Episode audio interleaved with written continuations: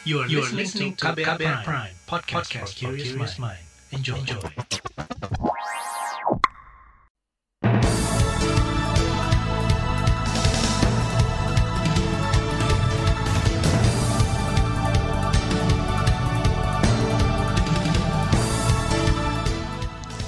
Selamat pagi saudara, senang sekali kami bisa menjumpai Anda melalui program Buletin Pagi edisi Kamis 8 Desember 2022. Saya Naomi Liandra. Sejumlah informasi pilihan telah kami siapkan di antaranya Jokowi ingatkan mitigasi peningkatan COVID-19 jelang Natal dan Tahun Baru. Menko Polhukam sebut teroris musuh semua agama. Upah minimum Yogyakarta naik 7,6 persen. Inilah Buletin Pagi selengkapnya. Terbaru di Buletin Pagi. Saudara, Presiden Joko Widodo mengingatkan jajarannya tetap melakukan mitigasi dan antisipasi terhadap peningkatan kasus maupun kematian akibat COVID-19 menjelang perayaan Natal dan Tahun Baru. Jokowi memerintahkan jajarannya meningkatkan capaian vaksinasi booster yang berkaitan dengan antisipasi dan mitigasi terhadap penanganan COVID-nya tetap terus harus kita lakukan meskipun saya melihat ini sudah terjadi penurunan yang lumayan banyak karena di 5 Desember kemarin setelah sampai naik ke 6 ribu bahkan 7 ribu per 5 Desember kemarin saya melihat sudah kasus hariannya sudah di angka 2.234. Kemudian percepatan vaksinasi booster tetap harus digerakkan agar uh, imunitas masyarakat kita menjadi lebih baik. Itu tadi Presiden Jokowi. Sementara Menteri Koordinator Bidang Maritim dan Investasi Luhut Binsar Panjaitan membuka peluang vaksin booster menjadi syarat wajib dalam perjalanan yang menggunakan transportasi publik. Dikutip dari bisnis.com, usulan itu disampaikan Luhut melihat potensi pergerakan dan aktivitas masyarakat di periode libur Natal dan Tahun Baru. Sebelumnya, Menteri Koordinator Bidang Perekonomian Erlangga Hartarto mengklaim penanganan COVID-19 di tanah air relatif baik. Pemerintah, kata Erlangga, masih menerapkan pemberlakuan pembatasan kegiatan masyarakat PPKM level 1 di seluruh kabupaten kota. Kata dia, pemerintah tengah menyiapkan survei untuk menentukan kebijakan penanganan COVID-19. Sero survei dilakukan untuk melihat jumlah populasi penduduk yang sudah memiliki antibodi terhadap virus SARS-CoV-2. Kemudian uh, kita melihat seluruh kabupaten kota ditetapkan dalam PPKM 1 dan mengingat situasi yang ada Kementerian Kesehatan akan melakukan zero survei lagi dan tentunya dengan zero survei uh, pemerintah akan mengambil eh, langkah-langkah lanjutan. Menko Perekonomian Erlangga Hartarto merinci capaian vaksinasi booster hingga 21 November lalu baru mencapai 28 persen. Sementara vaksinasi dosis kedua mencapai 74 persen dan dosis pertama 86 persen. Hingga kemarin kasus baru COVID-19 bertambah 3.351 kasus. Dengan angka kematian mencapai 41 kasus. Pemerintah melalui Satgas Percepatan Penanganan COVID-19 juga mencatat kasus aktif mencapai 47 ribuan kasus. Sementara Komisi yang membidangi kesehatan DPR mengingatkan pemerintah akan potensi peningkatan mobilitas masyarakat menjelang perayaan Natal dan Tahun Baru. Anggota Komisi yang membidangi kesehatan DPR, Kurniasi Mufidayati mendorong agar kecakupan vaksinasi dosis ketiga atau booster dan dosis keempat bagi lanjut usia segera ditingkatkan, termasuk menggencarkan sosialisasi dan mengirimkan vaksin untuk daerah yang mengalami kekosongan vaksin COVID-19 dengan vaksin booster ini akan membantu masyarakat terlindungi sehingga mudah-mudahan terbentuknya imunitas tuh itu sehingga nanti berinteraksi dengan siapa pun dan kalaupun terpapar ketika sudah vaksin booster itu insya Allah dampaknya bisa lebih ringan. Kita sudah menggesa dan kita meminta uh, agar pemerintah segera menyediakan vaksin karena pada saat ini justru animo masyarakat ini masih sudah mulai meningkat untuk adanya vaksin gitu khususnya vaksin booster. Kurniasi yang juga legislator PKS ini menyebut perlunya edukasi terkait protokol kesehatan, utamanya pemakaian masker. Dia juga mendorong fasilitas pelayanan kesehatan di seluruh daerah bersiaga mengantisipasi lonjakan kasus COVID-19 pasca perayaan Natal dan Tahun Baru, termasuk tingginya tingkat kematian akibat COVID-19. Epidemiolog dari Universitas Griffith Australia Diki Budiman setuju terhadap rencana pemerintah menjadikan vaksinasi booster sebagai syarat utama perjalanan menjelang peningkatan mobilitas masyarakat saat Natal dan Tahun Baru. Diki menyebut booster menjadi modal penting agar masyarakat terhindar dari keparahan bahkan kematian akibat COVID-19.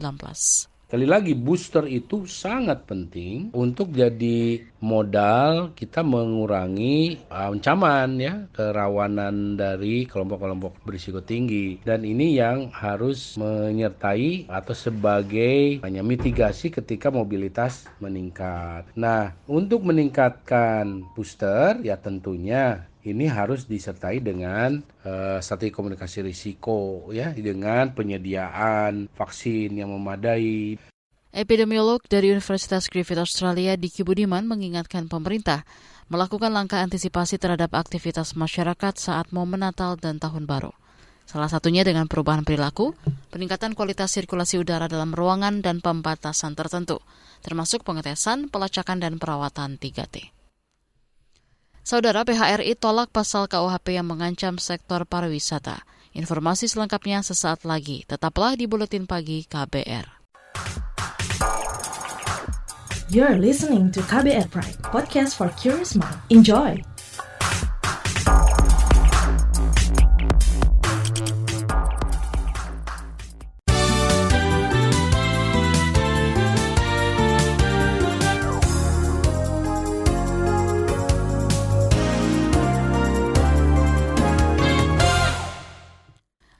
Saudara Menteri Koordinator Bidang Politik Hukum dan Keamanan Menko Polhukam Mahfud MD menegaskan, teroris merupakan musuh semua penganut agama dan kepercayaan. Hal itu ia sampaikan menanggapi peristiwa bom bunuh diri yang terjadi di Polsek Astana Anyar, Bandung, Jawa Barat kemarin pagi. Dan teroris itu adalah musuh kemanusiaan, bukan pejuang agama apa pun teroris itu. Itu adalah musuh kemanusiaan, musuh bersama musuh semua penganut agama itu teroris. Oleh sebab itu kita harus hadapi bersama-sama uh, masalah ini dan ke depannya kita semua harus hati-hati. Yang penting itu.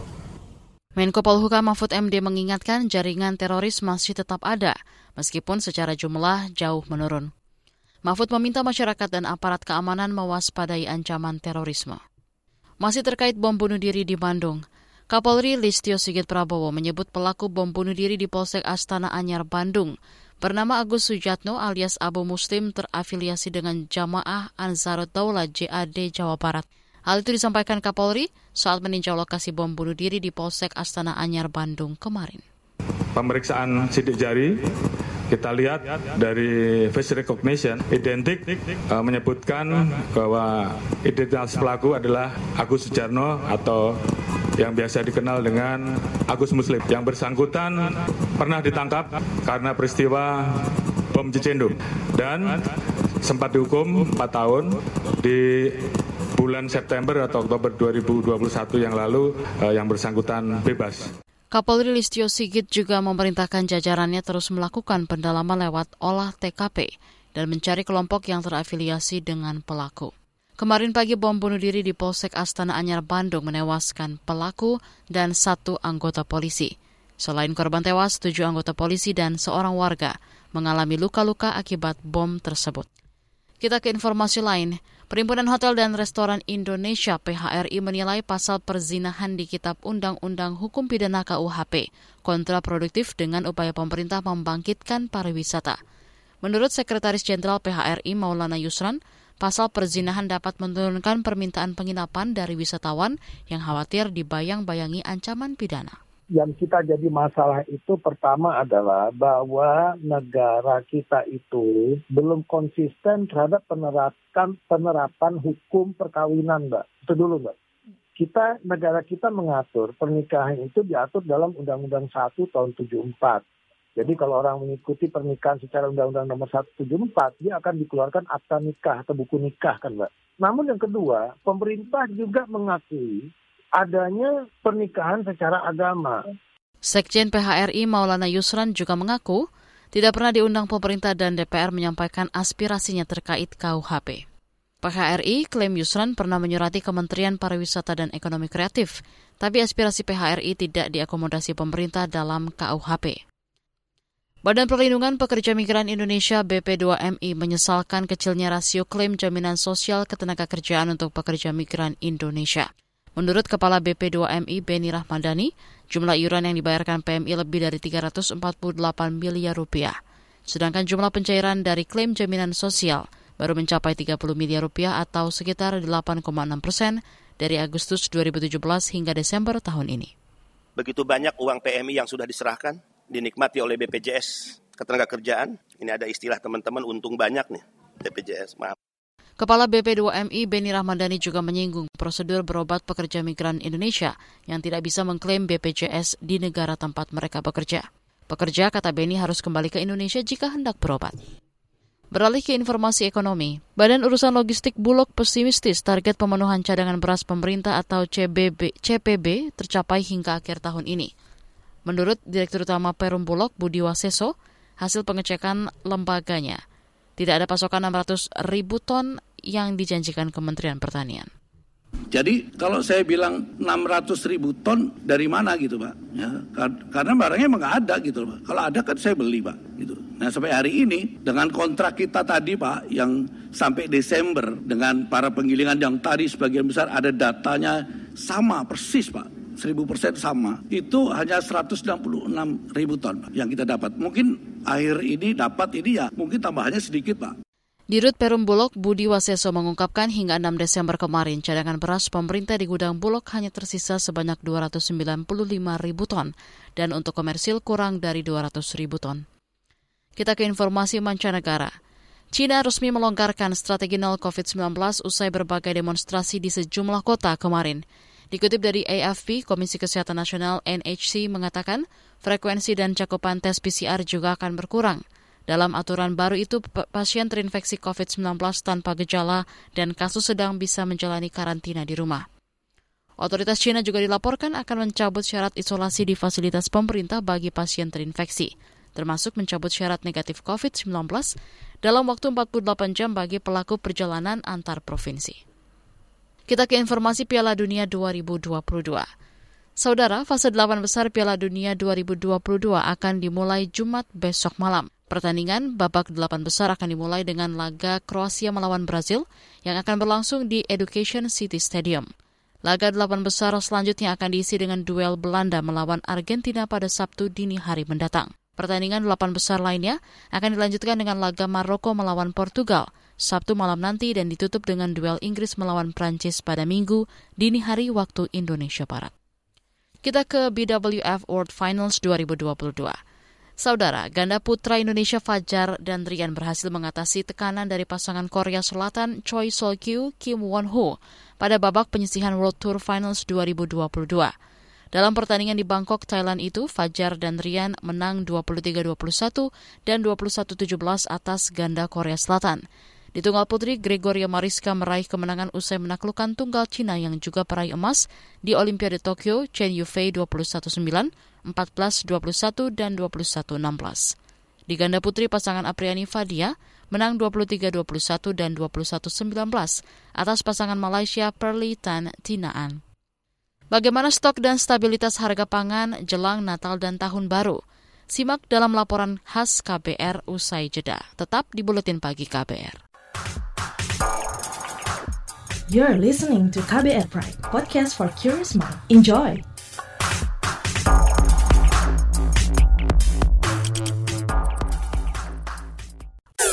Commercial break.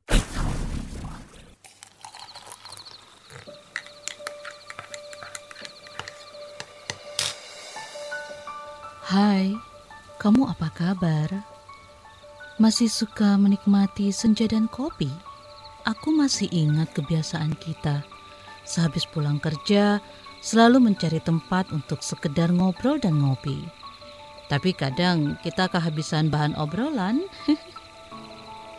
Aku masih melakukan hal yang sama sampai sekarang tanpa harus takut habis bahan buat ngobrol.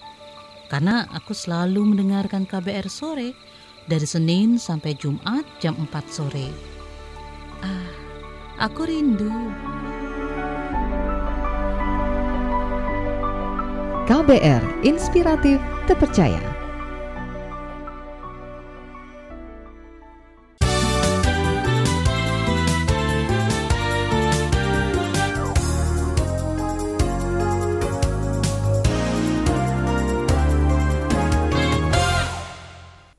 Anda masih bersama kami di Buletin Pagi KBR. Saudara jelang Natal dan Tahun Baru 2023, harga komoditas pangan mulai merangkak naik, mulai dari beras hingga telur ayam. Pemerintah melakukan berbagai upaya untuk memastikan stok pangan aman dengan harga stabil jelang akhir tahun. Bahkan pemerintah memantau dan mendorong peningkatan cadangan pangan nasional. Simak laporan khas KBR yang disusun Astri Yuwanasari.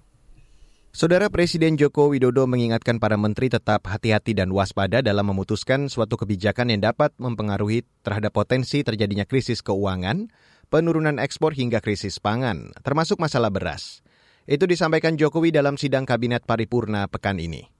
Kemudian juga krisis pangan, hati-hati mengenai ini, karena nanti bisa larinya pada masalah uh, sosial dan politik, sehingga utamanya yang berkaitan dengan beras betul-betul hitung hitungannya itu betul-betul hitung hitungan lapangan. Jangan sampai perhitungan kita keliru sehingga kita tidak menyiapkan reserve cadangan dan pada suatu titik cadangan kita habis dilihat oleh pedagang dan akhirnya harga beras pasti akan naik. Ini supply dan demand pasti akan menyimpulkan itu. Jokowi meminta seluruh pemangku kepentingan berkolaborasi dan melakukan konsolidasi untuk mengambil kebijakan yang benar-benar berpihak pada rakyat. Kita tahu bahwa situasi dunia masih tidak baik-baik saja, sehingga sekali lagi saya minta seluruh policy yang berkaitan dengan masyarakat, hajat hidup orang banyak itu betul-betul di kalkulasi dihitung betul-betul. Kuncinya sekali lagi kolaborasi antara kementerian dan lembaga dan jangan terjebak pada ego sektoral. Lakukan konsolidasi data, konsolidasi policy, dan juga konsolidasi dari pelaksanaan atau implementasi. Demi memastikan stok pangan dalam negeri, pemerintah akan terus mendorong peningkatan cadangan pangan nasional. Menteri Koordinator Bidang Perekonomian Erlangga Tarto menyatakan, sejumlah komoditas pangan terus dipantau pemerintah.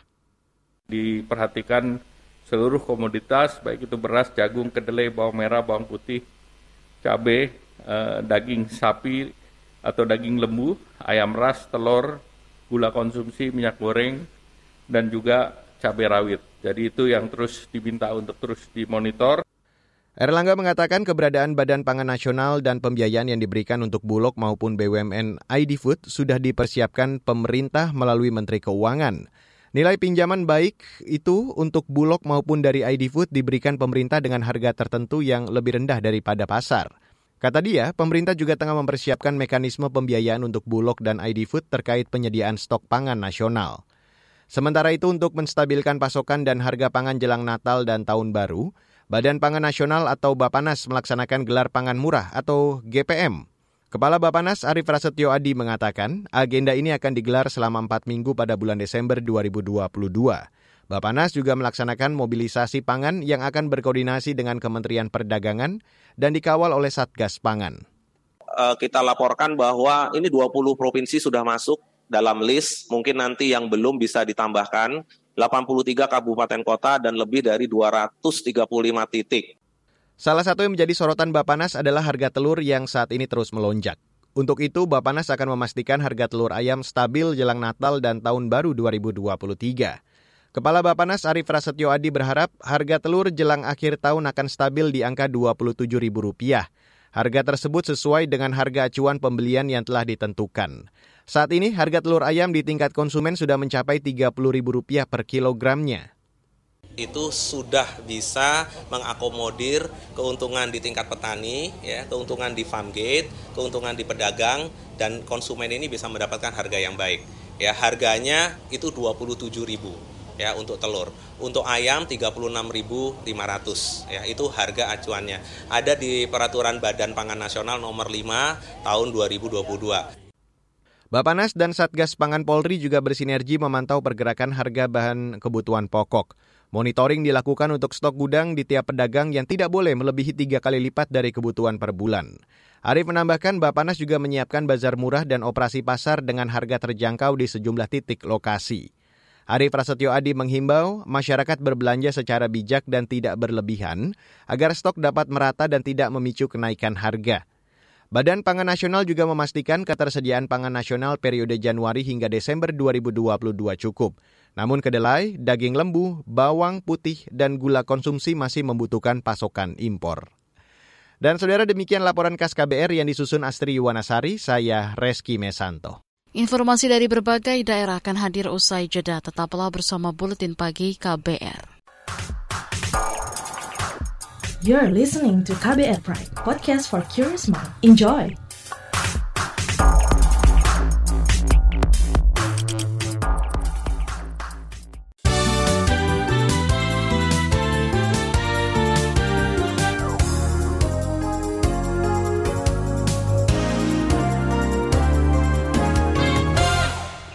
Inilah bagian akhir buletin KBR.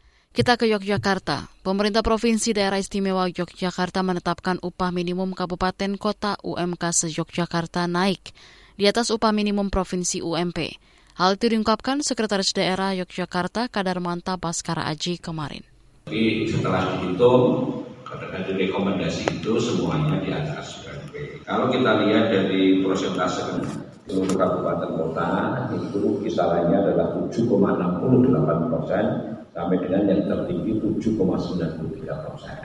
Sekda DIY Kadarmanta Baskara Aji menjelaskan besaran UMK itu telah disetujui Dewan Pengupahan Kabupaten Kota dan selanjutnya Bupati dan Wali Kota memberikan rekomendasi kepada Gubernur DIY. Kadarmanta menambahkan penghitungan kenaikan upah merupakan akumulasi dari kenaikan upah kabupaten kota tahun kemarin, ditambah nilai inflasi provinsi yang mencapai lebih dari 6 persen. Kita ke Papua. Polisi menemukan satu orang tewas di Kabupaten Pegunungan Bintang, Papua Pegunungan dengan luka tembak di kepala. Menurut Kapolres Pegunungan Bintang Cahyo Soekarnito, korban merupakan satu dari empat tukang ojek yang sebelumnya diduga selamat dari penembakan. Korban bernama Laati itu ditemukan saat tim gabungan tengah melakukan pencarian di sekitar lokasi kejadian. Diindikasikan bahwa salah satu korban mengalami luka tembak di kepala. Berkat kerjasama dan kerja keras, tim gabungan, semua korban telah berhasil dievakuasi. Barang bukti yang ditemukan di TKP di antaranya tiga unit sepeda motor milik korban, dua butir selongsong peluru kaliber 5,56. Kapolres Pegunungan Bintang Cahyo Soekarnito menjelaskan jenazah tiga tukang ojek itu akan dikirim ke kampung halaman mereka di Kendari, Sulawesi Tenggara. Hingga saat ini kepolisian masih menyelidiki pelaku penyerangan. Polisi menduga pelaku berasal dari kelompok bersenjata di sekitar Pegunungan Bintang. Beralih ke Jawa Tengah, Kepolisian daerah Jawa Tengah akan memperketat pengamanan resepsi pernikahan putra bungsu Presiden Joko Widodo, Kaisang Pangarep dan Erina Gudono di Solo pasca aksi bom bunuh diri di Mapolsek Astana Anyar Bandung kemarin pagi. Laporan selengkapnya disampaikan kontributor KBR Yuda Satriawan. Kepolisian memperketat pengamanan acara resepsi pernikahan putra bungsu Presiden Jokowi, Kaisang Pengarap dengan Erina Gudono, di Solo pasca aksi bom bunuh diri di Mapolsek Astana Anyar, Bandung, Jawa Barat, Rabu pagi. Kapolda Jawa Tengah Ahmad Lutfi di Mapolresta Solo mengatakan pengamanan acara pernikahan putra bungsu Presiden Joko Widodo itu dilakukan secara berlapis. Peningkatan pengamanan dilakukan dengan menambah personil kepolisian dari daerah lain. Penebalan semua ikatan regu peleton di ring 3 kita pertebal, kemudian di ring 1, ring 2 juga kita pertebal. Striking force dari Brimob maupun Sabara sudah kita tarik untuk wilayah perkuat wilayah Solo, termasuk di luar wilayah kita. Lebih lanjut, Jenderal Bintang 2 itu mengungkapkan ribuan aparat keamanan itu akan disebar di berbagai lokasi acara pernikahan Kaisang dengan Erina. Ada sekitar 7.500 personel gabungan dari Polri dan TNI bersiaga mengamankan pernikahan Kaisang Pengarap dengan Erina Gudono, baik di Yogyakarta maupun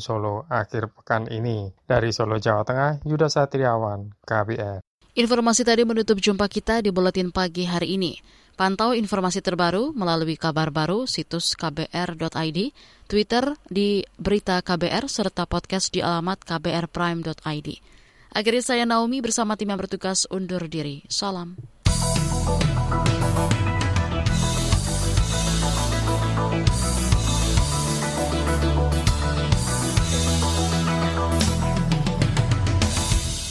KBR Prime, cara asik mendengar berita. KBR Prime, podcast for curious mind.